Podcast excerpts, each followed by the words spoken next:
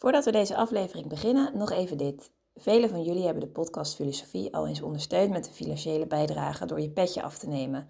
Daar zijn we super blij mee en daarmee draag je ook echt iets bij en maak je onze podcast mede mogelijk. Zo ook Boy en Jan die recentelijk hun petje af hebben genomen. Super veel dank daarvoor. En wil jij ook als trouwe luisteraar ons een steuntje in de rug geven en ervoor zorgen dat we nog lang door kunnen gaan? Kijk dan op petjeaf.com slash podcastfilosofie. Daar vind je alle info en bijdragen kan al vanaf 3 euro per maand. En het biedt ook leuke extra's op, zoals bijvoorbeeld toegang tot onze bonusafleveringen. Maar voor nu, veel plezier met deze aflevering. De ontmaskering van al die illusoren constructies is geen bevrijding, omdat het verlangen naar die constructies niet verdwijnt, doordat we nu zien dat het om illusies gaat. Zo stelt Paul van Tongeren dat het niet eenvoudig is om zonder waarheid werkelijk nihilistisch te leven. Wat is het nihilisme zoals we dat leren kennen bij Nietzsche? Leven wij als nihilisten? En wat komt er na het nihilisme? Is er überhaupt zoiets als postnihilisme mogelijk? Over deze vragen en nog veel meer gaan we de komende drie kwartier hebben. De gast is Mart Kezel. Het thema dat centraal staat: postnihilisme.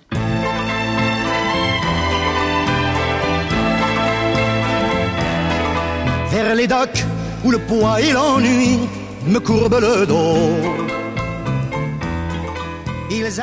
Dag, goed dat je weer luistert naar een nieuwe aflevering van de podcast Filosofie van het Santre Erasme, School voor Filosofie. Mijn naam is Allard Amelink en naast mij zit Judith Zwijstra. Dag Allard. En eh, ik weet niet hoe het met jou zit, maar ik ben iets gespannener dan ik normaal ben voor een opname. Uh, ja, zeker. Ik ook. Uh, normaal zitten we met z'n drietjes of zo aan tafel. Onder met een z'n viertjes. Onder een sfeervolle TL-lamp. en nu staren toch wel meer dan 50 paar oogjes ons aan. Dus maakt ons een tikje zenuwachtig. Ja, het is het begin van het vijfde seizoen. Een nieuw seizoen. Ja, we hebben het volgens mij al veel vaker gezegd, maar we hadden niet gedacht dat het ooit zover zou komen. Nee, klopt. Kijk, dus de podcast begon natuurlijk voor ons als een uh, mooi initiatief van een groepje vrienden. En dat is het nog steeds. Maar de teller staat nu op 70 afleveringen. Ja. Ja, 700.000 keer zijn we beluisterd. Dus dat is toch wel een heel nou, uit de hand gelopen. We hebben elkaar nog high five bij de eerste 100. Ja. En uh, ja, inmiddels zijn we hier. Dus dat is uh, ontzettend mooi. Ja. Als start van het nieuwe jaar doen we het net even anders dan je van ons gewend bent. We gaan het vandaag niet hebben over een denker, maar over een thema. En uh, ja, we nemen dus voor de eerste keer op met live publiek rechtstreeks vanuit het Literatuurhuis in Utrecht. Kijk, goed. Lekker hoor, lekker. Heel goed, nou mooi. En heel speciaal welkom natuurlijk aan jullie. Dank jullie wel voor jullie spontane applaus ook, Naat. We gaan straks, uh, ja, zoals je van ons gewend bent, 45 minuten in een uh, gesprek met onze gast. En zoals je misschien ook een beetje van ons gewend bent, is die 45 minuten niet helemaal in beton gegoten. Dat kan nog wel eens wisselen hoe lang dat uh, echt duurt. Vervolgens ronden we gewoon af. En daarna is er dan ruimte voor vragen vanuit de zaal. Enkele van die vragen zullen ook in de podcast te horen zijn. En we gaan het hebben over wat we ja, postnihilisme hebben gedoopt. God is dood, Nietzsche is dood en ik voel me ook niet zo lekker, luidt de bekende uitspraak van cineast Woody Allen. Ja, en met Nietzsche is niet slechts de monotheïstische God dood verklaard, maar eigenlijk het geloof in de waarheid überhaupt. Zoals de dolle mens het in de vrolijke wetenschap verwoordt, is er nog wel een boven en beneden. Dolen wij niet als door een oneindig niets, ademt ons niet de ledige ruimte in het gezicht. Nou, toch lijkt het eigenlijk dat vrij weinig mensen echt vanuit dat nihilisme leven. Al gelooft dan weer het merendeel van de Nederlanders niet in een, God. Ja, er zijn toch allerlei andere waarheden voor in de plek gekomen. We geloven in de liefde, we geloven in ja, mijn ware ik. We geloven in mensenrechten, we geloven in het blanke ras.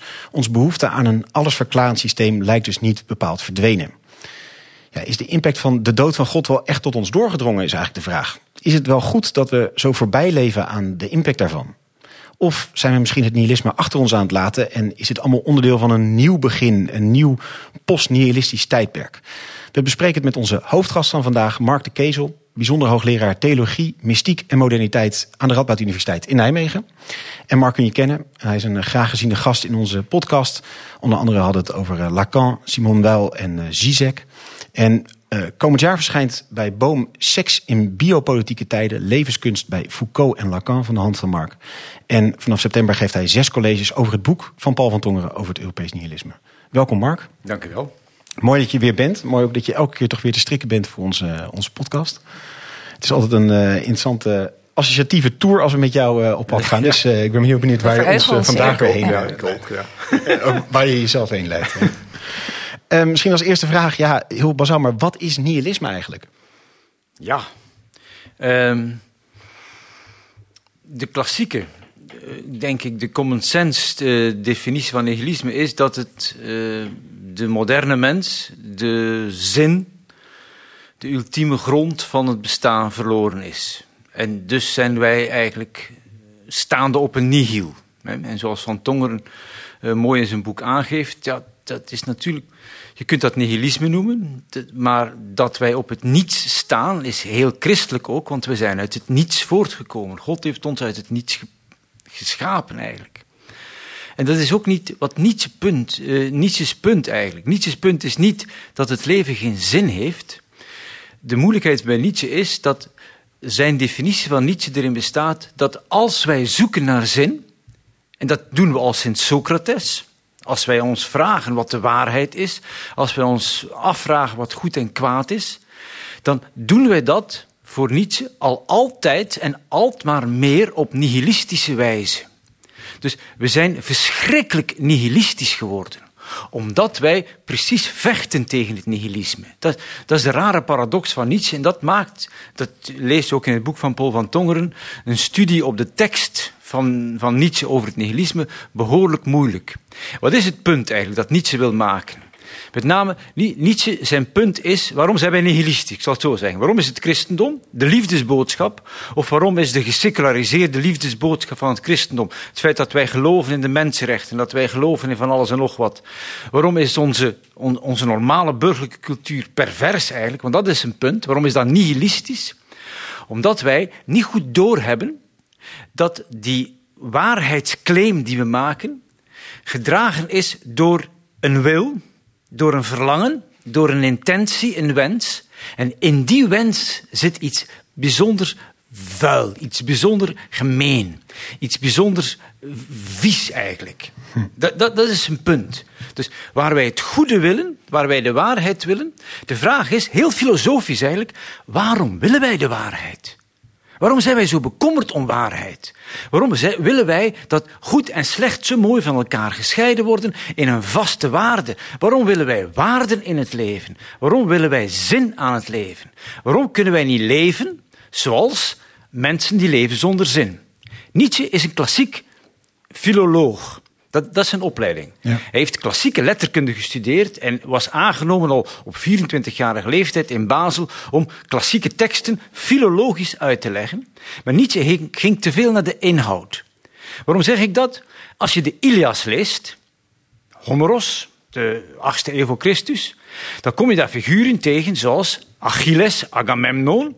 Achilles is wraakzuchtig, op Agamemnon, omdat de buit Briseis hem afgenomen is. Wat wil Achilles? Achilles wil niet restitutie. Hij is niet meer geïnteresseerd in het terugkrijgen van die buit. Hij is gekrenkt in zijn eer.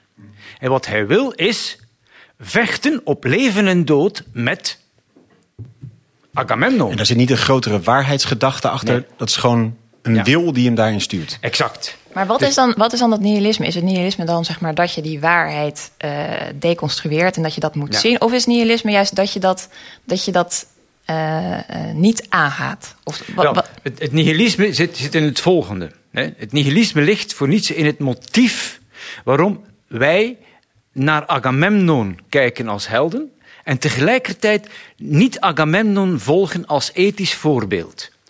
Dat, Nietzsche is een analyse van onze blik. Dus als, als je naar de beeldcultuur kijkt waarin we leven, we zien op, in de Hollywoodfilms en andere films zien we voortdurend Agamemnons. Zien we Achillessen. Mensen die, die ervoor gaan. Rambo's, Schwarzeneggers. Hè? Die, die het lot in eigen handen nemen en die staan op de rand tussen leven en dood, vechten tussen leven en dood. Dat zien wij. Zouden wij ooit letterlijk zo iemand tegenkomen in realiteit, we zouden die onmiddellijk opsluiten. Ofwel in de psychiatrie, ofwel in de gevangenis. Dat is duidelijk. Nietzsche's punt gaat niet over wat de zin van het leven is, gaat over de analyse van onze blik. Er is iets blinds in onze blik. Wij zien iets niet terwijl we naar kijken. Wat zien we niet? We zien niet dat we aan de ene kant gefascineerd zijn door Agamemnon en Achilles, en aan de andere kant Achilles en Agamemnon veroordelen. Wat is het punt nu? Wat is er gebeurd? Dat is de klassieke theorie. Ik ga eventjes Ja. uitleggen, een beetje schools, maar dat is de, de, de klassieke theorie tussen heren- en slavenmoraal. Dat, dat, dat, is, dat is Nietzsche zijn punt. Om het heel kort te zeggen, Nietzsche zijn punt is dat wij in onze waarheidsclaim, en daarover gaat, het is eigenlijk de grond van de filosofie. Wij, wij claimen de waarheid, maar wij vergeten terwijl we de waarheid claimen het motief waarom we waarheid willen claimen. Dat is het punt. Wat, wat bezielt ons om, Om de überhaupt die te vraag claimen? te stellen eigenlijk. Ja, ja. Wat bezielt ons? En die bezieling, daar zit iets pervers in. En daar zit het nihilisme in. De- welk nihilisme zit daarin? Namelijk, we kunnen de, in plaats van dat onze wil een waarheidsgrond heeft, dat is wat we allemaal geloven, daar faculteit de psychologie doet niet anders, filosofie doet niet anders, we gaan de waarheid zoeken van onze wilsuitingen, van onze verlangens. Nietzsche draait dat om. Nietzsche zegt, ik heb niks tegen de waarheid, maar er is waarheid omdat de mens dat wil. Ja, dus de waarheid is gegrond in de wil en de wil Ja. is niet gegrond in de Exact. waarheid. En dat is, dat is typisch modern. Het is de mens die de basis is van alles. En niet meer een of andere willende God, hè, wat, wat, wat, wat bij Nietzsche ook speelt, maar dat niet meer. De, de, de grond van de waarheid is onze wil tot waarheid. Niks mis mee. Dus als ik de als, eh, ehm, ik zal het anders uitdrukken. Als, als de waarheid is uitgevonden voor Nietzsche door slaven. Wat zijn slaven? Slaven zijn mensen die het leven willen behouden. Die een ethos hebben die behoudsgezind is. Die gaan niet aan de rand van het leven staan. Die staan in het midden van het leven en behouden het leven. Vandaar Zoeken de veiligheid daarin. ja, vandaar dat ze sociaal zijn. Vandaar dat ze medevoelend zijn, medelijdend zijn. Vandaar dat ze rechtvaardig willen zijn, enzovoort. Op zich is daar niks mis mee. Maar die mensen die voor die moraal gekozen hebben, in de oudheid, die, zijn, die kijken ook naar mensen die helemaal niet zo leven. Dat zijn de. Achillessen van deze wereld, Achilles, ja. Kijken helemaal niet, kijken naar die Achillessen. Ook daar is niks mis mee.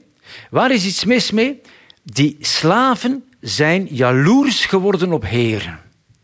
Die wilden zijn als de heren, want die vonden dat wel fantastisch. Wat wij doen als we voor televisie zitten. is toch geweldig? Kijk eens, iemand neemt het heft in eigen handen, waagt zich oog en oog met de dood en gaat ervoor. Dat is de wil tot leven. De- wat is mens zijn? Die levenswil. Ik, ik wil leven en als ik niet wil leven, sterf ik. Behoud, levensbehoud telt hier niet. Maar wat is er gebeurd? Die slaven die hebben aan de heren een slecht geweten aangepraat. Die zijn beginnen de fictie eh, promoten over waarheid. Die hebben gezegd tegen de Heer: Achilles, fantastisch. Je bent een echt een held. Jij staat voor de dood. Jij bent niet bang voor de dood. Maar denk eens na.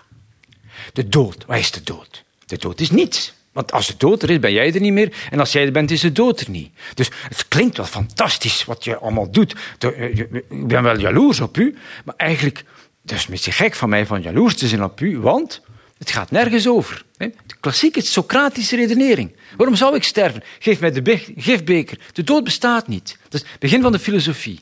Die ontkenning, die is pervers. Dat is nihilisme. En het is een ontkenning van. Het is een ontkenning van het feit dat ik jaloers ben op iemand die het leven neemt voor wat het is, met name niet aan de waarheid gebonden, maar staande tegenover de dood, in een affirmatieve houding die zich aan, nergens aan vastklampt. En dat is omgedraaid. En het hele waarheidsdenken in de filosofie is een poging geweest om die houding van de mens, om tegenover de dood te staan in een affirmatieve houding. En dat is niet nihilistisch voor hem. Dat is affirmatief. Dat is levensbejahu, noemt hij dat. Dat is ja zeggen tegen het leven en dus ja zeggen tegen de dood. De hele filosofie is gebouwd als een ontkenning van die dood. Denk aan Socrates. Ik wil de gifbeker drinken, want ik ga nooit sterven. In de eeuwige ziel. Het, het christendom doet niet anders. Maar het is eigenlijk dus een, een poging tot het oplossen eigenlijk van, het, van de spanning waar die Ja. Achillessen durven te staan. Exact. En ze schuiven de waarheid daar eigenlijk voor Ja. om een soort Ja. ja, het naar het midden Ja, te trekken. Dus om het, om het heel simpel te zeggen, maar er zit natuurlijk veel meer achter dan, die, dan die, die simpele uitspraak. De waarheid is in zijn regime, in zijn claim, sinds de filosofie, is die waarheid levensontkennend. Want het leven is staan tegenover de dood en het leven is niet gebonden aan de waarheid. Dus dat idee dat het leven eeuwig zou zijn, dat het leven aan een zin zou gebonden zijn, dit is voor Nietzsche mensonwaardig. Dus dat is een straffe claim.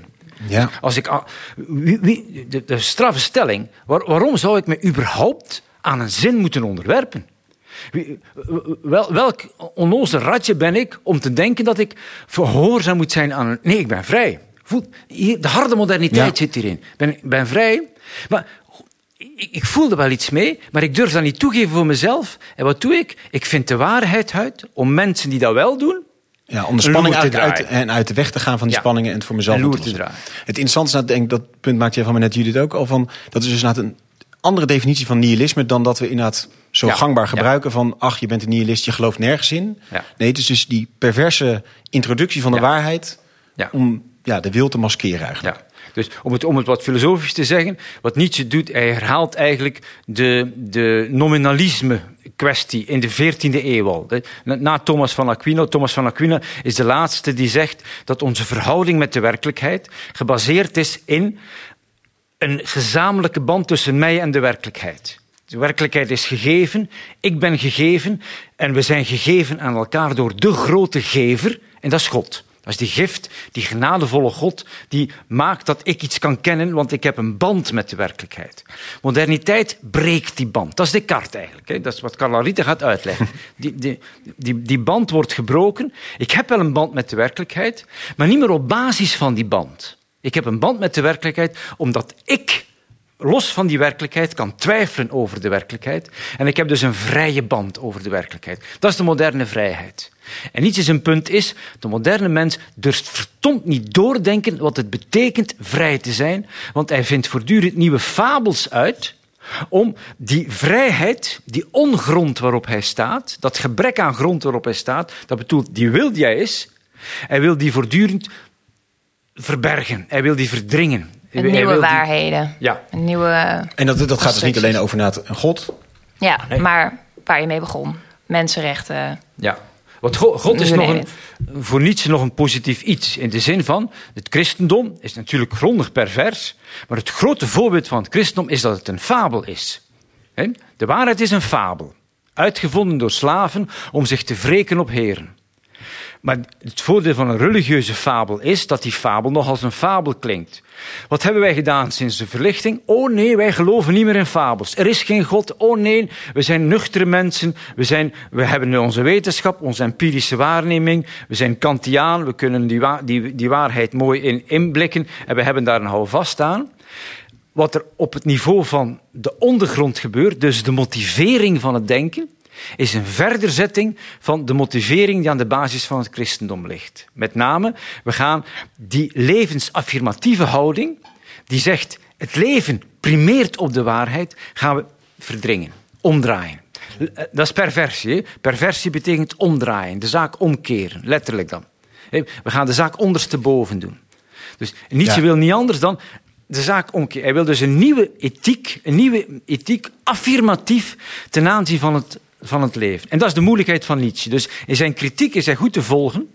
Zeker als je naar Hollywoodfilms kijkt. Moet- moet je De altijd- Rambo's bevestigen ze. ja, ja. zeg maar. Dus Ja. als- je Nietzsche leest, moet je altijd denken aan Hollywoodfilms. Nee, dat, dat, dat is een punt. Je, moet, je, je leest een bladzijde uit, uit Homeros, je kijkt naar, naar een Schwarzenegger-film of wat anders, dan lees je Nietzsche, dan voel je zijn, kritische, ehm, zijn kritisch ehm, potentieel daarin. Maar de moeilijkheid bij Nietzsche ligt, hij wil dat, dat daarvan af en een alternatief bieden, Ja. en een positieve moraal op basis van de wil. Maar alleen ko- kom je dan niet vanuit de wil, Naat, maar dan heb je dus het risico dat zijn verhaal ook weer een nieuwe waarheid wordt. En dan bijt je jezelf eigenlijk in de staart. Ja, tuurlijk. Want, en, en daar is hij zich van bewust. Maar het is een filosoof, hij is daar niet bang van. Hij, gaat die, die confrontatie met het denken aan, slaagt daar natuurlijk niet in, zoals geen enkele filosofie slaagt. Maar de vraag ligt daar wel. En de vraag ligt uitgesculpteerd in, in een aantal teksten, vaak grillige teksten. Ook de teksten die gepubliceerd zijn, zijn resultaat van dat grillige notitie. Hè? Dat, dat, dat, is Nietzsche ook. Hè? Als een gek gaat hij wandelen, komt hij, komt hij op zijn kamertje en dan, dan schrijft hij een koorts eigenlijk. Hè? Dus, dat is zijn grote kritiek op Flaubert. Flaubert zegt altijd, een, een, kunst, een, een schrijver moet op zijn kamer kunnen zitten. Voor niets is dat ondenkbaar. Je denkt niet op je kamer, je denkt wandelend. Je schrijft op op je kamer, maar... Uh... Ja, en ja, Flaubert zei toch ook van uh, dat zijn tekst waarheid moet zweten. Kijk heel even naar uh, Jozef. Dat is ook wel... Uh, ja, En, maar Mark, en als we dan kijken naar het hele, nou, je noemt de Rambo-films, daarin komt het, het uh, niet-nihilistische, in, in Nietzsche's definitie, een niet-nihilisme naar voren. Maar als ik vandaag de dag kijk, dan uh, ja, zie je natuurlijk aan alle kanten dat we dat nihilisme niet uh, nog steeds in stand houden, het Nietzscheaanse nihilisme. Dus nog steeds waarheden ja, ja. Voor ons houden. Ik somde ze net al een paar op, maar ja, goed, ik denk net zowel uh, rechtsidentitaire bewegingen doen dat op een bepaalde manier, maar ook kun je natuurlijk aan allerlei kanten van het politieke spectrum kun je daarop dingen doen. Zen-boeddhisme kan ook een, een uitzeg zijn om weer een nieuwe waarheid te creëren. Hoe kijk je daarnaar? Zijn we onvoldoende nog bewust van de boodschap van Nietzsche, dat dat inderdaad dus een waarheid boven de wil stellen is? Of ja, uh, kunnen we het niet aan? Of snappen we het nog niet goed genoeg? Of hebben we dat al een keer meegemaakt en denken we moeten weer iets nieuws doen? Hoe kijk je naar die alternatieven, die nieuwe vormen, zeg maar? Ja, je zegt het zelf en ik spreek voor mezelf. Ik snap het niet. dat is ook wat Nietzsche zegt. Hè? In het fragment van de dolle mens, moet hem zeer serieus nemen. De dolle mens komt van de berg afgelopen, zegt aan de mensen: God is dood. Dat betekent er is geen grond aan, wat, aan de manier waarop jullie in de wereld staan. Jullie staan op een ongrond. Maar de burgers zeggen, zoals wij, so what? Drink iets, uh, straks een glasje wijn, waarom niet? En, en Nietzsche is, hoe zou ik, de hele, de hele pathos van zijn denken is duidelijk te maken dat, dat, dat hij begrijpt niet waarom wij dat niet begrijpen. Natuurlijk, dat is een jarenlange geschiedenis. We blijven filosofen, we blijven christenen, we blijven wetenschappers. Dat is ongeveer synoniem voor hem. Dat we zeggen, we blijven rustig op dat niet bestaande fabeltje genaamd waarheid rustig dansen. En we kunnen dat doen op, op, op duizend en één manieren. Dus door te ontkennen, door, door helemaal fundamentalistisch christen te worden, door libertijns antichristen te worden. Dus dit hele scala van mogelijkheden is gedragen door hetzelfde motief eigenlijk. Dus als je mij vraagt, zijn we ons daarvan genoeg bewust? Dat, die, die vraag veronderstelt veel. Die vraag veronderstelt dat wij ooit eens buiten dat bewustzijn zouden kunnen komen. Of dat, dat, die, die, die vraag plaatst ons erger.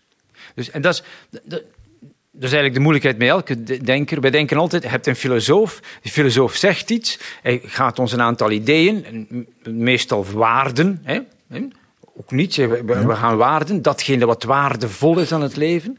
Wat zegt Nietzsche? Nee, de, er is niks waardevols op zich. Er is alleen maar waarde wat ik als waarde geef. En dan is de vraag, wie ben ik? Want dat bestaat ook niet voor niks. Er is een wil in mij. Maar die wil is niet Schopenhaueriaans, een soort kosmisch, metafysisch gegeven, dat mij als een kosmische wil draagt in wat ik wil. Nee, die wil is, heeft zelfs die kosmische grond niet. Dus wat hij dan precies aan het zeggen is, op duur weet hij het niet meer. Maar die, ja, maar dat is die vrijheid. Want dat is, je kunt maar Nietzsche beginnen, en, en niet alleen Nietzsche, maar elke filosofie nadien beginnen begrijpen, als je dat onbegrip toestaat bij jezelf. Als, dat is filosofie. Filosofie is het... Sorry, en welk onbegrip toestaat? Wat zeg je? Welk onbegrip moet je toestaan? Dat, dat, dat, je dat precies niet begrijpt wat, wat we dan moeten doen. We zijn veel te hm. haastig natuurlijk. Hè. We, dat, dat, is ons waarheidsdenken. We willen, willen de ja, waarheid is fout, we hebben iets nieuws. Hè. Ja. Dus, dus ja, nee, we moeten. Filosofie begint waar, waar je die, dat antwoord uitstelt. Dus in die zin zit hij wel in de, in de filosofische traditie en knoopt hij aan bij die eerste Socratische filosofie, die de vraag stelt en eigenlijk uit het domein van de vraag niet komt. Alleen stelt hij die vraag bijzonder scherp met een bijzonder harde hamer eigenlijk. En zijn wij natuurlijk geneigd, want elke filosoof is, ja, dat, dat, is een, dat, is, een zwak konijntje, een filosoof eigenlijk, want het sluit nooit zijn systeem, omdat hij naar een vraag toe werkt. Eh, gaan we altijd de filosofie gebruiken om daar hoe zou ik levenskunst van te maken. In, in, in, het volgende boek ga ik daar wat kritiek op geven. Wij willen een levenskunst. Wij willen, wij willen filosofie praktisch maken. Misschien is dat ook zo, maar als je het mij vraagt, nooit doen. nooit. Maak nooit van filosofie een levenskunst. Filosofie betekent denken. En denken, dat is natuurlijk een kunst. Misschien is dat een levenskunst, maar dan moet je leven wel zien in Nietzscheaanse zin. Dat wil zeggen, dat is echt niet gezellig. dus, dus, je kunt wel doen alsof je Achilles bent of zo, is leuk in een film, maar, maar we kunnen dat niet meer. Ik bedoel, maar we kunnen, we kunnen die vraag wel meenemen. Maar en, en hoe kunnen we dan, eh, ik ga proberen te voorkomen te vragen naar een soort levenskunst, maar hoe uh, kun je dan toch goed die vraag uh, ja, laten bestaan en laten etteren, zou ik haast zeggen, zonder dat je ja, van de weeromstuit toch weer in een of ander veilige middel of de rood waarheid komt waar je een soort comfort in vindt? Oh, het antwoord is iets entre Erasme. maar ja, het, het, antwoord is, uh, de, ja, hoe zou ik zeggen, de, die vraag blijven stellen en die vraag cultiveren. En wat jullie centrum doen, is een cultivering van die vraag. Die vraag een plaats geven in een society. Jullie, jullie zijn geen levensfilosofen in de zin dat jullie, jullie hebben geen boodschap die je brengt aan de mensen. Jullie hebben een traditie van denken die je in een samenleving een plaats wil geven en waar je mensen laat, over laat nadenken door cursussen te volgen, door avonden te volgen als deze. En, en dan hou je die, die, die anarchistische traditie van de filosofie in, in stand eigenlijk. En dat is nooit zwart-wit verhouding. Hè. Je, je, kunt, ja, als ik die vraag cultiveer en, en ik ga er nog een beetje aan door, en op een duur wordt die vraag dan de nieuwe boodschap die iedereen moet, moet, moet hebben, en dan moeten we maar blijven vragen stellen, dan fungeert die vraag als een antwoord. Ja. Nee, dat, dat, dus cultuur betekent, cultuur betekent altijd een spanningsveld. Dat is, dat is, misschien de achtergrond van wat ik nu zeg. Eh, is, is ook een soort, ja, een soort structuur of, of een soort grondintuïtie wat cultuur is. Dus, dus ook Nietzscheaans is dat eigenlijk. Wij, wij denken meestal dat een cultuur gebouwd is rond een antwoord. Nee, we denken bijvoorbeeld, de middeleeuwse cultuur is gebouwd rond God en God is het antwoord op alle vragen. De islamcultuur is gebouwd rond een even monotheïstische, maar anders genoemde Allah. En Allah is het antwoord op al die vragen. Let dat is niet gek, want de facto kun je in, in, in die cultuur duizend en één elementen vinden waar die God als antwoord fungeert, maar evengoed duizend en één en waarschijnlijk nog veel meer als fungeert die God als datgene wat het antwoord uitstelt, wat het antwoord deconstrueert. Wat het, leest een klein beetje middeleeuwse theologie, middeleeuwse filosofie en je weet niet meer wie God is. God is een anarchistisch principe, dat is ook monotheïsme. De wereld is gecreëerd uit niets.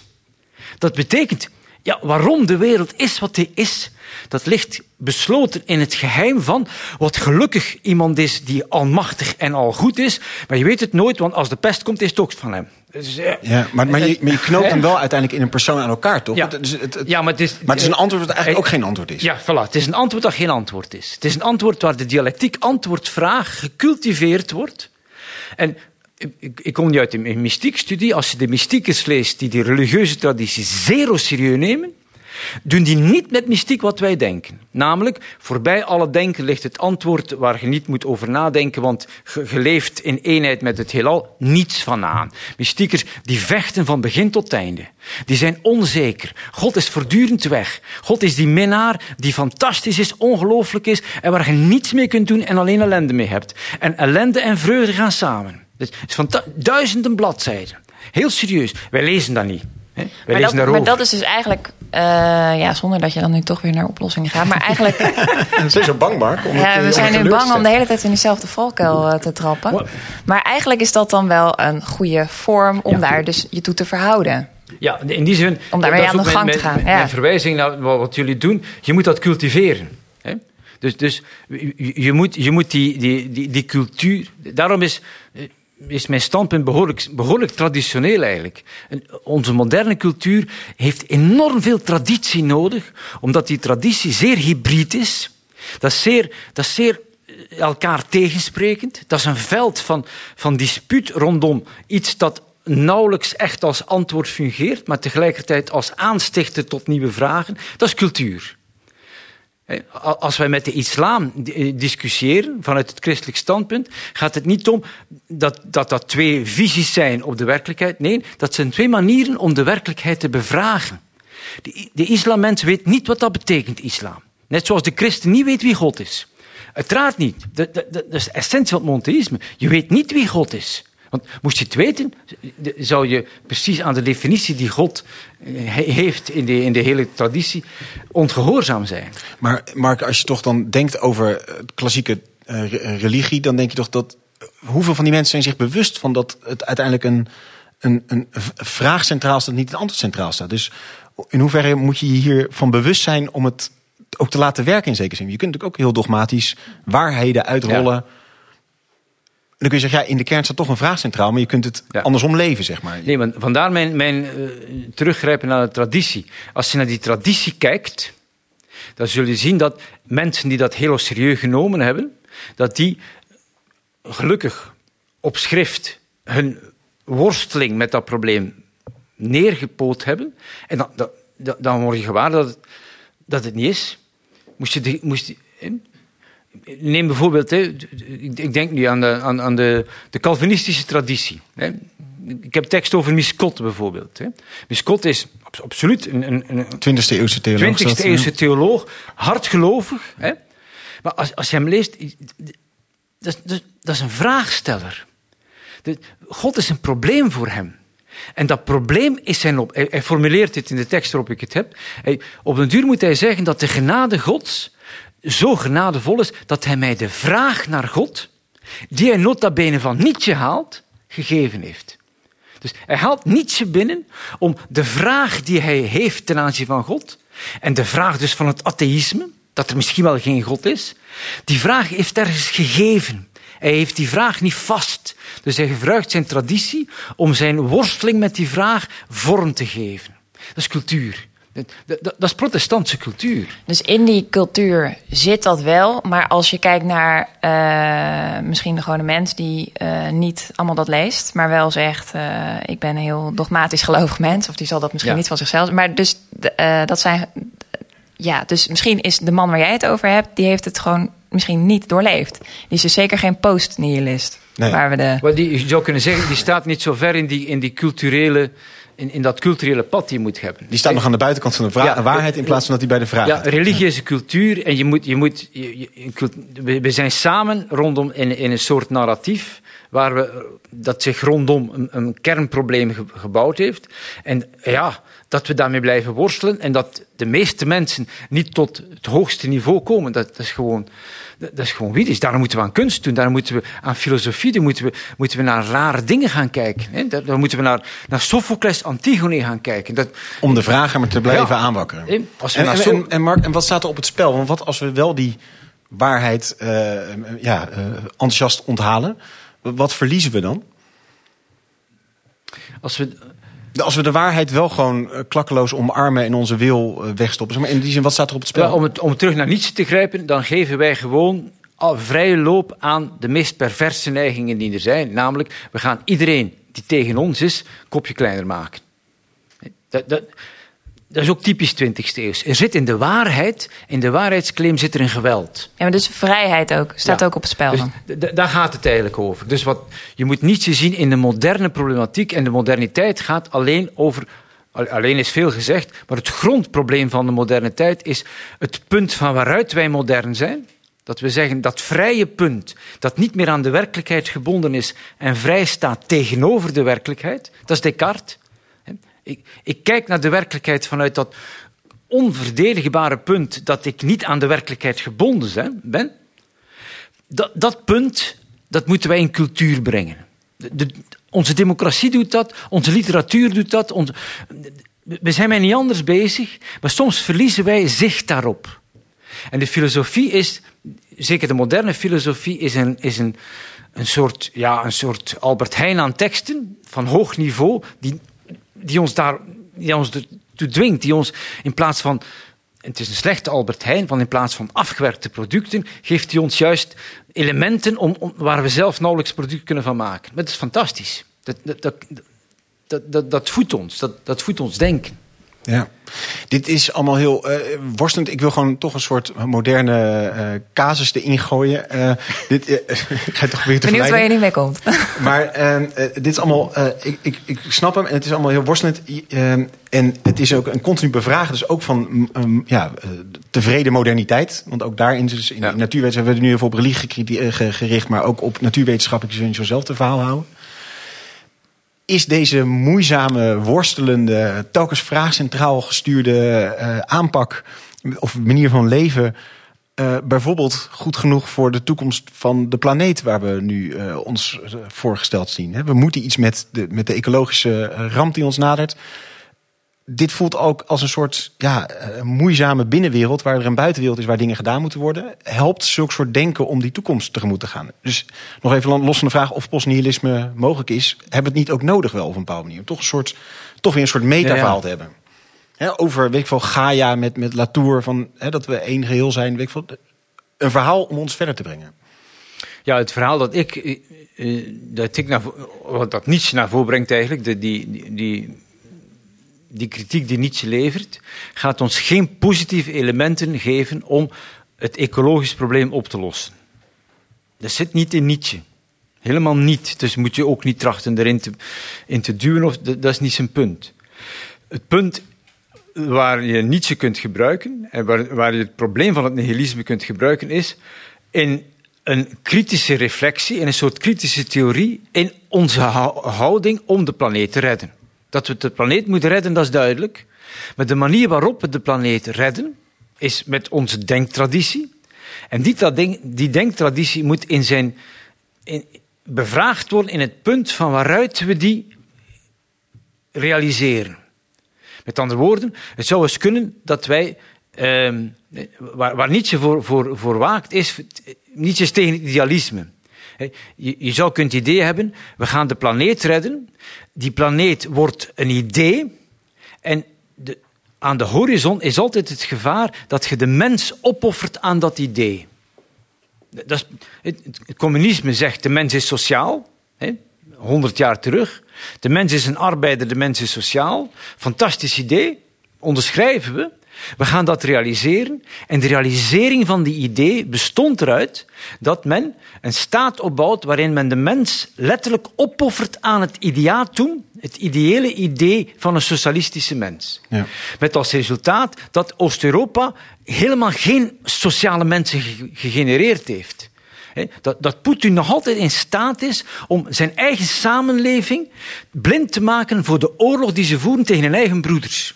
Dus daarover gaat het. Ja, dus het doel was heel heilig, maar de, de uitvoering... Ja. Dus we, we, zou, ook hier nu, we moeten absoluut de planeet redden. Maar je, je kunt niets niets gebruiken om daar handvaten mee te krijgen. Dat we moeten doen. Niets blijft die rare denker die gebruikt wordt om onze houding die we daarin hanteren, om die kritisch te blijven bevragen. En dat is wel nodig. Dat, is natuurlijk een beetje vervelend dat je altijd van die criticasters hebt die, die ja, maar filosofie is per definitie, en iedereen wordt het nu gewaar, it's boring, is, is vervelend ook. Is, ja, filosofie, er zijn, ja, dus, ik weet niet of ik dat mag zeggen in het Sinterklaas, ja, maar, maar filosofie, je moet nooit dat filosofie doen als je, ja, ja in, in die zin, dat is niet zo spontaan. Filosofie is, is iets artificieels, dat autokritisch het punt van waaruit je in de wereld staat bevraagt. En je moet aan die autokritiek plaatsgeven. Het filosofen zijn vanaf Socrates daarom altijd suspect bejegend. Kan ook niet anders. Helder. Maar ik heb waarschijnlijk... Ah ja, want ik ging net zeggen, ik heb waarschijnlijk naast uw vraag beantwoord. Maar... Nee, nee, nee. nee nou, nou, ik denk in, in zoverre dat uh, het risico... Dus laat ik hem even zelf proberen het antwoord te formuleren. Uh, het risico van een theorie als van Latour... is dat je een soort nieuw metaverhaal bedenkt. Een nieuwe waarheid die je centraal stelt... waar dan vervolgens alles maar voor mag gaan wijken... en je dus de menselijke vrijheid opoffert. Ja. Ja, en het, is, ook, en het is ook goed om, te, om gewoon de beperkingen van een denker te benoemen. Dus uh, ja. als, je, als dat gewoon niet goed past in, joh, hoe moeten we nu verder? Is het ook goed om dat te benoemen. Dat je daar gewoon Nietzsche niet voor moet gaan gebruiken. Ja. Dus het is een, een, permanente angel zeg maar, die erin zit. En je moet net als niet Nietzsche voor alles willen gebruiken. Om, uh, voor ja, in die zin hou ik nu met, met Nietzsche een pleidooi voor wat in de 19e, 20e eeuw achteraf genoemd is de denkers van het wantrouwen. Denken, dat is ook die Cartesiaanse traditie. Denken begint met twijfelen. En de twijfel is de enige oplossing. Dat is Descartes eigenlijk. Hè? Je kunt aan alles twijfelen, behalve aan het feit dat er een konijn is dat twijfelt, namelijk jezelf. Je weet daarom niet goed wat je zelf bent, maar er is een, ergens een punt van waaruit je twijfelt. En dat, dat punt is voortdurend betwijfeld, na Descartes, maar dat punt blijft daar wel. En dat punt blijft woekeren. Dat is die vrijheid. En we hebben een fantastische moderne cultuur opgebouwd, want op basis van die vrijheid hebben we een samenleving opgebouwd. Dus, dus mijn, mijn adoratie voor de moderne samenleving is gigantisch. Je moet eens indenken, dus on, ongekend in de geschiedenis, dat op basis van de persoonlijke vrijheid van elkeen een samenleving opbouwt. Dat, dat, dat, is nooit gezien in de geschiedenis. Dat betekent, je bouwt een samenleving op, op een principe die zegt dat de mens die eraan deelneemt, aan die samenleving, vrij is van die samenleving. Dus je bouwt een socialiteit op op een asociaal principe. En het op, dat geeft een samenleving om u tegen te zeggen, waar we voortdurend ruzie maken. Dat wel, hè? Maar die ruimte is er. Ja. Dat is niet meer, hè? Dat, dat, dat is geniaal hè, aan democratie. Je installeert de ruzie. Het, is fantastisch. De Grieken hebben dat een beetje voorvoeld.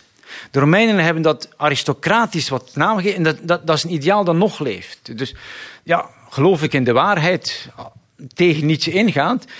Tuurlijk heb ik mijn waarheid, want ik denk dat dat meer waar is dan, dan de rest. En dus dat, dat er helemaal geen waarheid is, dat, dat, dat is ook niet wat ik uit Nietzsche haal eigenlijk.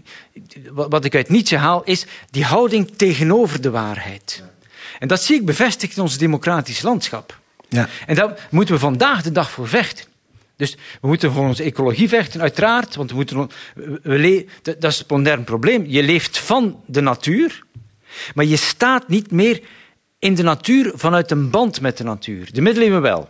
En de antieke tijd ook. De antieke tijd verstond zichzelf vanuit het zijn. Ik ben, de natuur is, en wat ons bindt aan elkaar is een zijn. Latour, Latour probeert dat opnieuw. Maar, maar eigenlijk, het christendom zit daartussen. Ik heb een band met de natuur, niet omdat ik een band heb met de natuur, per se, in C. Nee, God heeft mij in die natuur geplaatst. In die natuur is het niet goed gegaan, er is zondeval enzovoort. Maar God gaat mij een band geven met de natuur die me uiteindelijk naar een perfecte staat brengt. Dus ik heb nog altijd een band, maar er is anarchie binnengetrokken. De moderniteit is zeer christelijk, dat heb ik van Nietzsche eigenlijk, mhm. omdat ze die anarchie van God aan iedereen geeft. We staan in de samenleving, niet, wij staan op de samenleving als de archij van de samenleving, als het beginsel van de samenleving. Dat is wat archij betekent. Maar dat betekent voor die samenleving dat de samenleving een anarchisch, anarchistisch gefundeerd is. En als je Jefferson leest, als je de Founding Fathers leest, als je, zelfs als je Robespierre leest, die, die dan mislukt is, maar als je de politieke denkers leest, Tocqueville enzovoort, als je die politieke denkers leest, daarover gaat het. Die, hebben, die hebben dat gesnapt. En dat staat nu in Amerika, maar ook in Europa en, en bij Poetin, dat staat op het spel. Ja, en op spel staat dat we gefundeerd zijn in een anarchistische ja. individuen. En we willen graag een, toch een soort onderliggend totaalverhaal. Toch weer een, een, een waarheidslaag eronder in plaats van de wil. En die twee sluiten elkaar niet uit, want je hebt een groot verhaal nodig. Maar het punt van waaruit je in dat groot verhaal staat, is een vrij punt. En onze, onze westerse democratie en onze westerse cultuur heeft die vrijheid neergezet gedurende twee eeuwen ongeveer. We, staan in de kinderschoenen van de implementatie van de Franse en de Amerikaanse revolutie in zekere zin. We zijn op mondiaal vlak niet zo ver. We hebben een gigantische geklungeld en, en, en trial and error, met kolonialisme van alles en nog wat, maar die vrijheid, dat is precies de reden waarom wij een vluchtelingenprobleem hebben. Want de mensen willen vrij zijn dat is fantastisch. En, wij moeten die vrijheid beschermen. En straks, als, als Trump weer aan de macht komt, zal het echt, wordt het echt gevaarlijk. Want we gaan terug naar autoritaire systemen. Zoals in de jaren dertig eigenlijk. Dus de, moet, en, en wat, mijn pleidooi is een beetje... als, als, het, als onze aandacht voor de natuur ons afleidt van het vechten voor de vrijheid... dan, dan moet er een hartig woordje gepraat worden. Mooi. Dankjewel, uh, Mark. het is wel weer klassiek dat we je een, een, een, vraag voorleggen en dat je ons flink aan het denken zet. Dus dankjewel daarvoor. Uh, postnihilisme. We begonnen met de vraag van, goh, is er iets achter het nihilisme mogelijk? En eigenlijk was het al vrij snel helder dat we onze beetje ja, huistuin tuin en keuken definitie van nihilisme heel anders is dan wat nihilisme bij Nietzsche is. nihilisme is niet dat je zegt, ja, ach, ik geloof in niets, volgens mij is er niets. Nee, het gaat over dat ehm, wij zoeken naar zin. Ehm, en dat we ehm, dat zoeken naar een waarheid en dat we een waarheid centraal stellen, maar dat we vergeten dat daar een wil aan ten grondslag ligt. En we denken dat de wil gefundeerd is in de waarheid, terwijl in de werkelijkheid de waarheid voortkomt uit de wil. Ja. En dus is het feit dat we vechten tegen het nihilisme uh, maakt ons eigenlijk nihilistisch. Dus het feit dat we allerlei waarheden centraal stellen en ons uh, overgeven aan zo'n waarheidsverhaal, dat maakt ons gek genoeg dus nihilistisch. Dus we moeten goed opletten als we het over nihilisme hebben, waar we het over hebben. We hebben een perverse neiging die eronder ligt om die waarheid te maken. Wat is die perversiteit dan die daarin zit? Uh, nou, uh, Mark noemde een mooi voorbeeld uit. Die Ilias, je hebt Achilles, die, die doet maar wat eigenlijk. Die doet uh, niet omdat het moet, maar omdat het kan. Um, hij wil wraak nemen, niet uit een soort groot metafysisch concept, maar uit eerherstel. En ook dat zie je in de, de Hollywood-films terug. Rambo, hij doet, hij is niet geordend door een soort moreel concept, maar ja, daar zijn we door gefascineerd. Maar we stellen daar een waarheid tegenover die dat ook veroordeelt.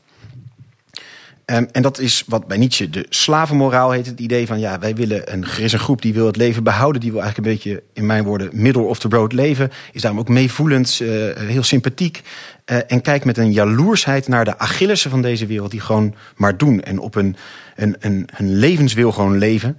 En om dat dus te counteren, om dat te tackelen, wordt de waarheid eigenlijk tussen de wil en de mens ingeschoven. Die waarheid is leidend, je moet die wil naar achter schuiven. Wat doen die Achilles van de wereld? Ja, die geven een affirmatie op de dood. Die durven te balanceren op de grens van leven en dood. En wat doet die waarheid dus? Die ontkent eigenlijk die dood, die maakt die minder spannend, die vat die in een totaalconcept.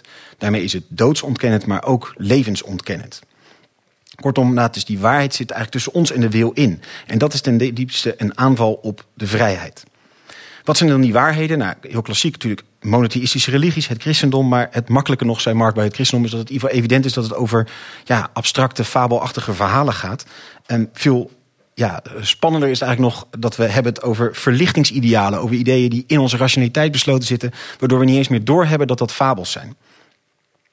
Um, Nietzsche wil een positieve ethiek bouwen, wil een verhaal bouwen van hoe we uit die wil kunnen doen. Alleen daar zie je dan ook weer het risico dat uiteindelijk zo'n nieuwe uh, ja, vanuit wil gedreven moraal natuurlijk ook weer een waarheid in zichzelf kan worden. Kortom, je moet daar altijd permanent blijven op letten. Je moet een permanente angel daar eigenlijk hebben. Waarom zien we dat nou zo weinig om ons heen? Ja, we leven er eigenlijk aan voorbij. En ja, dat is ook precies wat in uh, de, de vrolijke wetenschap wordt gezegd.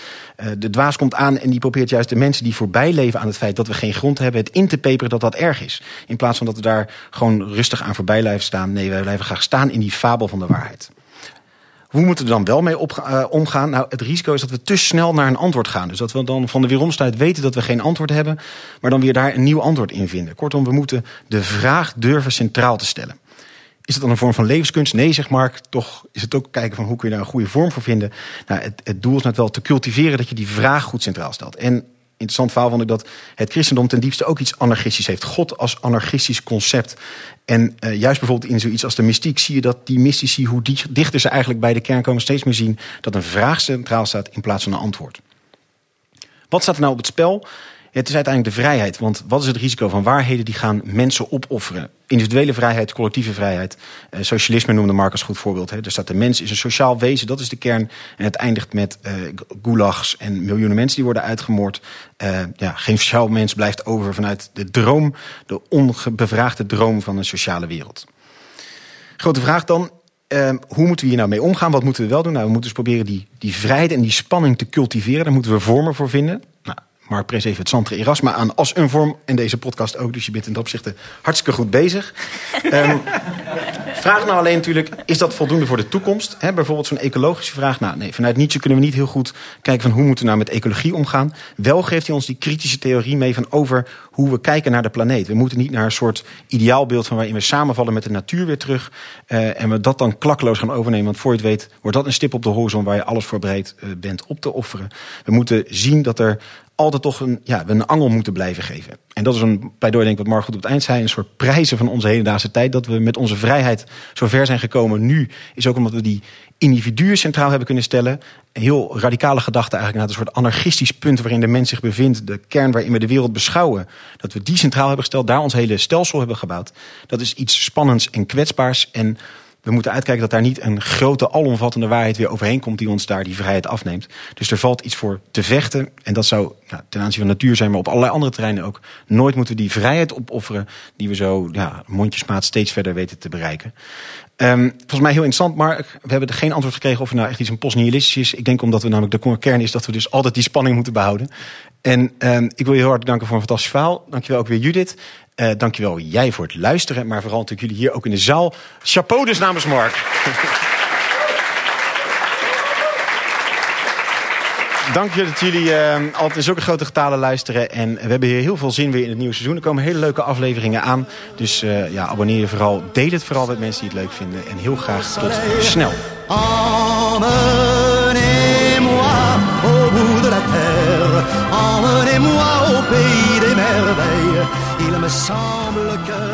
Zijn er naar aanleiding van het verhaal van Mark, uh, vraag jij de deur even open? Is misschien geen uh, slecht plan. Dat. Ik, wist niet, ik vroeg me af of het alleen bij mij was dat de warmte wat opnam. Maar uh, dat is bij iedereen. Um, vingers, kom gerust naar voren en stel je vraag in de microfoon. En dan mag, de, je mag je even beginnen met jezelf kort voor te stellen. Oh ja, en dan, zeg even je naam. Ja. Precies. En dan gaan we vervolgens misschien je vraag gebruiken voor de podcast. Maar sowieso voor nu. Super. Nou, ik ben Paul, Paul Graas en ik heb de volgende vraag. Uh, mijn indruk van, van Nietzsche, als het gaat om wat hij kan beantwoorden, niet of waar hij over is. Vooral tot nu toe was het, laten we zeggen, vrij collectief over de mens als geheel, als samenleving. Um, en ik was ook even benieuwd, wat heeft Nietzsche, of wat heeft ook dat nihilisme van hem te zeggen meer op het gebied van het individu zelf?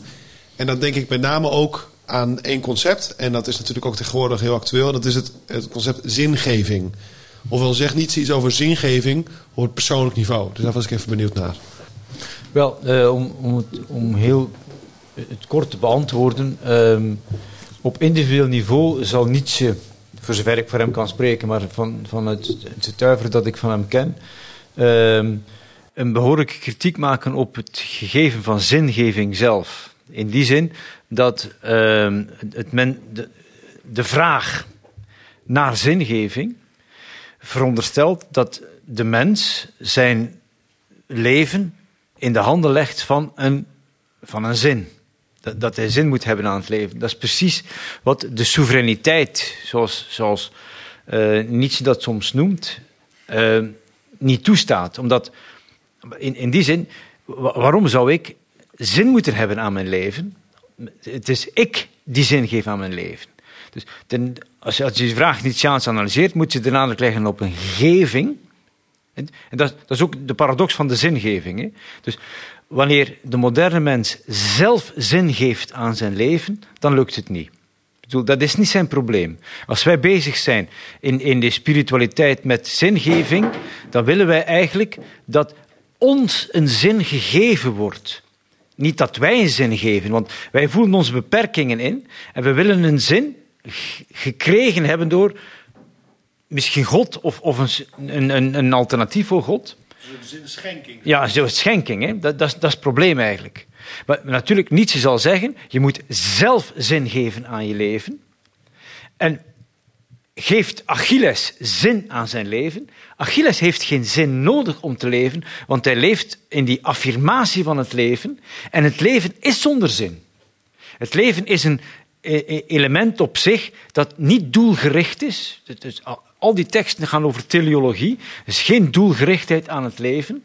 Vandaar de eeuwige wederkeer. Dus je moet ja zeggen tegen het leven. Wat er ook gebeurt, je moet het leven niet willen veranderen. Dat is die amorfati. Waar hij, waar hij heel soms aansluit bij de stoïsche amorfati, of bij de christelijke amorfati van de 17e eeuw, maar vanuit een heel andere intentie eigenlijk. Je moet affirmatief het leven leven zoals het is. Wat dan dan precies betekent voor hem, op, op concreet niveau, dat, ja, daarom is hij gek geworden, denk ik. Maar ja, dit is iets van, hè. je voelt hem daarmee worstelen ook. Je, je, je, voelt hem, je voelt hem met dat punt worstelen van waaruit hij vrij is. Vandaar dat hij, dat hij aan grootheidswaan gaat, gaat leiden eigenlijk. Vandaar dat hij een ik opblaast, ecce homo, dat, dat, dat, dat explodeert. Maar als je goed de teksten leest, zelfs in dat explosieve ik van hem, voel je die, ja, die hulpeloze vraag die er is. Dat vind ik juist het interessantste. Ook al laat het mij dan ja, achter in... Uh, met vragen. Met vragen, ja. ja. Ja, de, ja, ja, het is het enige waar ik van hou in de filosofie eigenlijk. Maar ja, dus, dat je iets niet weet, hè, dat, dat, dat, dat is toch geweldig, jong. Ja, dat je tenminste kunt doen. Dat is, dat is het enige voordeel aan de filosofie. Als filosofie iets positiefs is. In de filosofie mocht je echt altijd dom zijn. Dat is toch geweldig. Echt, en, echt. Ik hou ervan. Ik moet wel. Anders had je niet zo lang uitgehouden. Erik uit Enschede. Ik vond het heel interessant dat u het had over we vormen samen een narratief rondom een kernprobleem. Ik denk dat het bij religies best wel makkelijk is om dat narratief, dat verhaal te vinden. Dat staat opgeschreven en iedereen is het over eens in welke boeken. Maar is het tegenwoordig in, in deze complexe tijd lastiger om uit te vinden waar dat verhaal of door wie dat verhaal geschreven wordt? En dan ook om je eigen rol in dat verhaal te begrijpen als, als medemens of als burger of als consument of als puur als bron van data? Ja, ik heb misschien wat misverstand opgewekt, want als ik het woord narratief gebruik en je zegt, ja, het christendom heeft zijn narratief, want het heeft de, de geschreven teksten. Dat bedoel ik niet eigenlijk. Het christendom heeft zijn narratief in de zin van, heeft een discussieveld waar de bijbelse grondtekst een 1,0001% van de teksten is. Er is een discussieveld rond van ketters, van, van, van, van dissidenten, van, van zwakgelovigen, uh, van, van hardgelovigen, van fundamentalisten. Dat, dat, is, dat is het narratief. Dat, dat, is een dat is een hybrid discussieveld. En dat is in de moderne, dat was in de middeleeuwen behoorlijk hybrid. Natuurlijk in een, ander, in een andere constellatie. Wij denken altijd dat die middeleeuws, dat, dat middeleeuws narratief aaneen Dat alle mensen ongeveer gelovig waren niet geloven. Klopt niet. Hij, staat hier buiten, François Villon. Hè? Staat hier ergens, hè? François Villon, de, de, de 15e eeuwse grote dichter in Frankrijk. Ja, atheïstisch tot de. Eh, eh, natuurlijk is hij geen atheïst, want dat bestaat nog niet. Maar het is absoluut de rand van de samenleving. Hij behoorde tot wat heet la coquille, dat we zeggen de onderwereld van, van Frankrijk. Is ja, is altijd gezocht geweest door de politie. Dus, dus schorrimorri, tuig is dat. Hè? Maar met, met, met een pen. Top, La Vierge, de Maagd Maria, dat is het. Hè? Dus hij is tegen alles. Hè? Het is een provo van je welste. Maar Jeanne d'Arc en La Vierge Marie, dat, dat is middeleeuwen. Zie? Dat, dat, is, dat is een narratief. Dat, het gaat niet om inhoud, het gaat om een, een soort semantische grammatica waarin iemand positief en negatief, haat en liefde en alles kan uitdrukken. Maar dat is misschien jouw vraag: van, is dat narratief vandaag de dag goed nog te duiden? Nog even los van de, de heilige teksten. Van, is er één narratief of is het allemaal zo versplinterd op allerlei subterreinen? Of, of, begrijp ik je vraag verkeerd? Ja, en, misschien ook is dat ook de reden waarom wij het misschien lastiger vinden om erover te discussiëren, omdat we niet zo'n helder gedeeld narratief hebben. Ja, er is, wel, er is wel iets veranderd in die zin dat dat narratief heeft een ik heb nu nadruk gelegd, in de middeleeuwen is het narratief ook disparaat, um, onsamenhangend, in zekere zin. De moderne tijd ook, maar op een andere wijze. En daar zit het medialandschap in. Dus de, uh, een van de nadelen is dat. Eh, ik zal het anders uitdrukken. Eigenlijk hebben we een behoorlijk eengemaakt narratief. Dus we verstaan elkaar allemaal redelijk goed en we zijn behoorlijk tolerant in die narratieven. Maar door het feit dat die sinds twee decennia op internet floreren, kunnen wij gemeenschap vormen op internet die bubbels vormen. Dat was in de middeleeuwen ook zo. En die bubbels hadden een andere, een, andere vorm. Ik kan u verzekeren, in de middeleeuwen, als je in een klooster zit of gewoond in een dorp of in een stad, dat zijn, dat zijn serieus verschillende bubbels waar je totaal ander leven hebt. dat is formeel niet zoveel anders nu. Maar door het feit dat we gemassificeerd zijn, dat we allemaal vrij zijn, dus we zijn allemaal cultuurdrager geworden. En we kunnen allemaal actief eh, op gelijke voet deelnemen aan een cultuur die nog eens goed bewaard wordt in een archief dat oneindig is en, en onverwoestbaar is. Dat, dat zijn de dingen die veranderd zijn. En, dan, en daar zullen, ja, dat weet ik ook niet hoe dat precies daar moeten mee omgaan. Want dat, dat, dat kan zijn anomalieën geven. Dat, dat zal wel, hè. En, en zou je nou ook zeggen dat bijvoorbeeld, je, je noemde, een, je deed een pleidooi voor het uh, waakzaam zijn ten aanzien van de vrijheid die we met elkaar uh, langzamerhand steeds verder hebben opgebouwd. En wat ik daarbij moest denken is wel van, hebben we die vrijheid ook iets voor onachtzaamd, omdat we die ook als een soort waarheid zijn gaan zien. Dus dat die buiten ons komen te staan in plaats van dat iets wat permanent bevochten moet worden. Maar ja, democratische rechtsstaat, ja. dat weten we allemaal wel, daar hoeven we het niet over te hebben.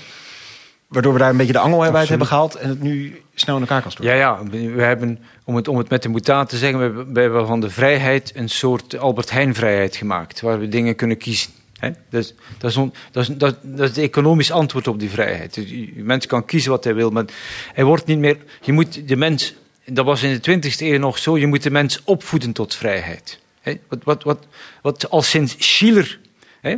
de Erziehung des Menschen, die esthetisch is, het, punt is eigenlijk. En dus de vrijheid is een zwak ding, omdat de vrijheid meteen als waarheid zichzelf moet inkapselen in een harde fabel. Dat, dat is eigenlijk, het is niet te sprake gekomen, uh, niet te sprake gekomen in wat ik daarnet zei, maar dat is mijn fascinatie voor dat datgene wat vandaag de dag helemaal ver, verguisd wordt, uh, volstrekt een onrechte, dat is het psychoanalytische denken van Freud. Dus als je Freud en Lacan leest, dat, is geen wetenschappelijke theorie die alles weet over de mens. Nee, dat gaat over de vrijheid. Met name, ik sta tegenover mijn waarheid.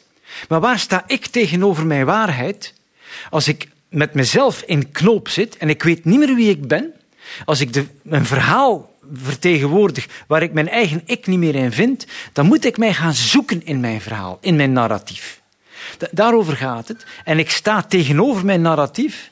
En eigenlijk moet ik in de waarheid die ik van mezelf heb, heel nuchter eigenlijk, anders dan Nietzsche die romantisch is en die heet gebakerd is, vertaalt Freud dat eigenlijk nuchterder. Ik, ik, ik heb een wil tot waarheid, maar ik moet, als ik problemen heb, met die wil mij, mij verhouden. En ik moet mijzelf zoeken als de drager van die wil, de drager van dat verlangen. Dat is, ik, ik ben een drager, ik ben het subject van een verlangen naar waarheid. En ik moet niet de waarheid zoeken, ik moet niet de zin van mijn leven zoeken. Nee, ik moet zoeken naar wie het is die zin zoekt naar leven. Wie ben ik eigenlijk dat ik verlang naar zin? Waar zit ik ten aanzien van die zin? En daar vind ik mijn afstand ten aanzien van die zin. En daar zijn er geen pasklare antwoorden. Daar kan geen psycholoog tussenkomen en zeggen dat is jouw symptoom, je hebt dit en dit. Nee, daar moet ik zelf een weg afleggen en begeleid worden door iemand die goed beseft dat datgene wat hij moet weten, nooit zal weten. Met name, ik kan nooit als psychotherapeut het antwoord geven op de vraag die iemand stelt. Iedereen weet dat. Veronderstelt, ik zit psychisch in de problemen en niemand gaat mijn psychische problemen oplossen. Wie ben ik nog? Verschrikkelijk. Dat is ondenkbaar. Nee, als iemand mij helpt, psychisch gezien, zal ik op een moment komen dat ik die mens haat.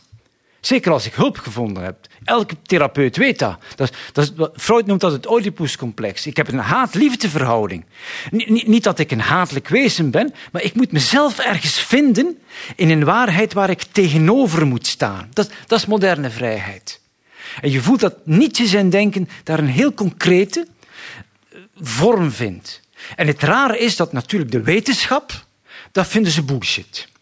Terwijl dat ze als ze in de praktijk zijn, beseffen ze het allemaal goed dat het daarover gaat. Want geen enkele therapeut heeft de pretentie dat hij weet wat precies, als iemand echt psychisch in de penarie zit, wat het probleem is. Tuurlijk weet je dat niet. En dat, daarom gaat die, die DSM, hè, de, de, de, hoe noemt het, de, de diagnostical... Hè, de, de, de, overzicht van alle psychische ja, aandoeningen. Dat, dat nummer 6 die aankomt, zal, zal nog zoveel dikker zijn. Dat we zeggen, kunt je altijd wegsteken achter er blijven altijd allerlei vragen hangen. En, ja, precies. Ja. Het is, het is, het is een van de moderne fabels. Volgens mij is dit een uh, perfecte aanleiding om uh, te gaan borrelen. Want dan ja. uh, kunnen we uitgebreid uh, Even een luchtje scheppen. Dat ook. Ik wil je heel hartelijk danken. En vooral uitnodigen voor een heerlijk drankje. Er worden al drankjes koud gezet. En de mannen die staan achter de bar. Dus dat ziet er goed uit. Komt helemaal goed. Komt. Mannen achter de bar.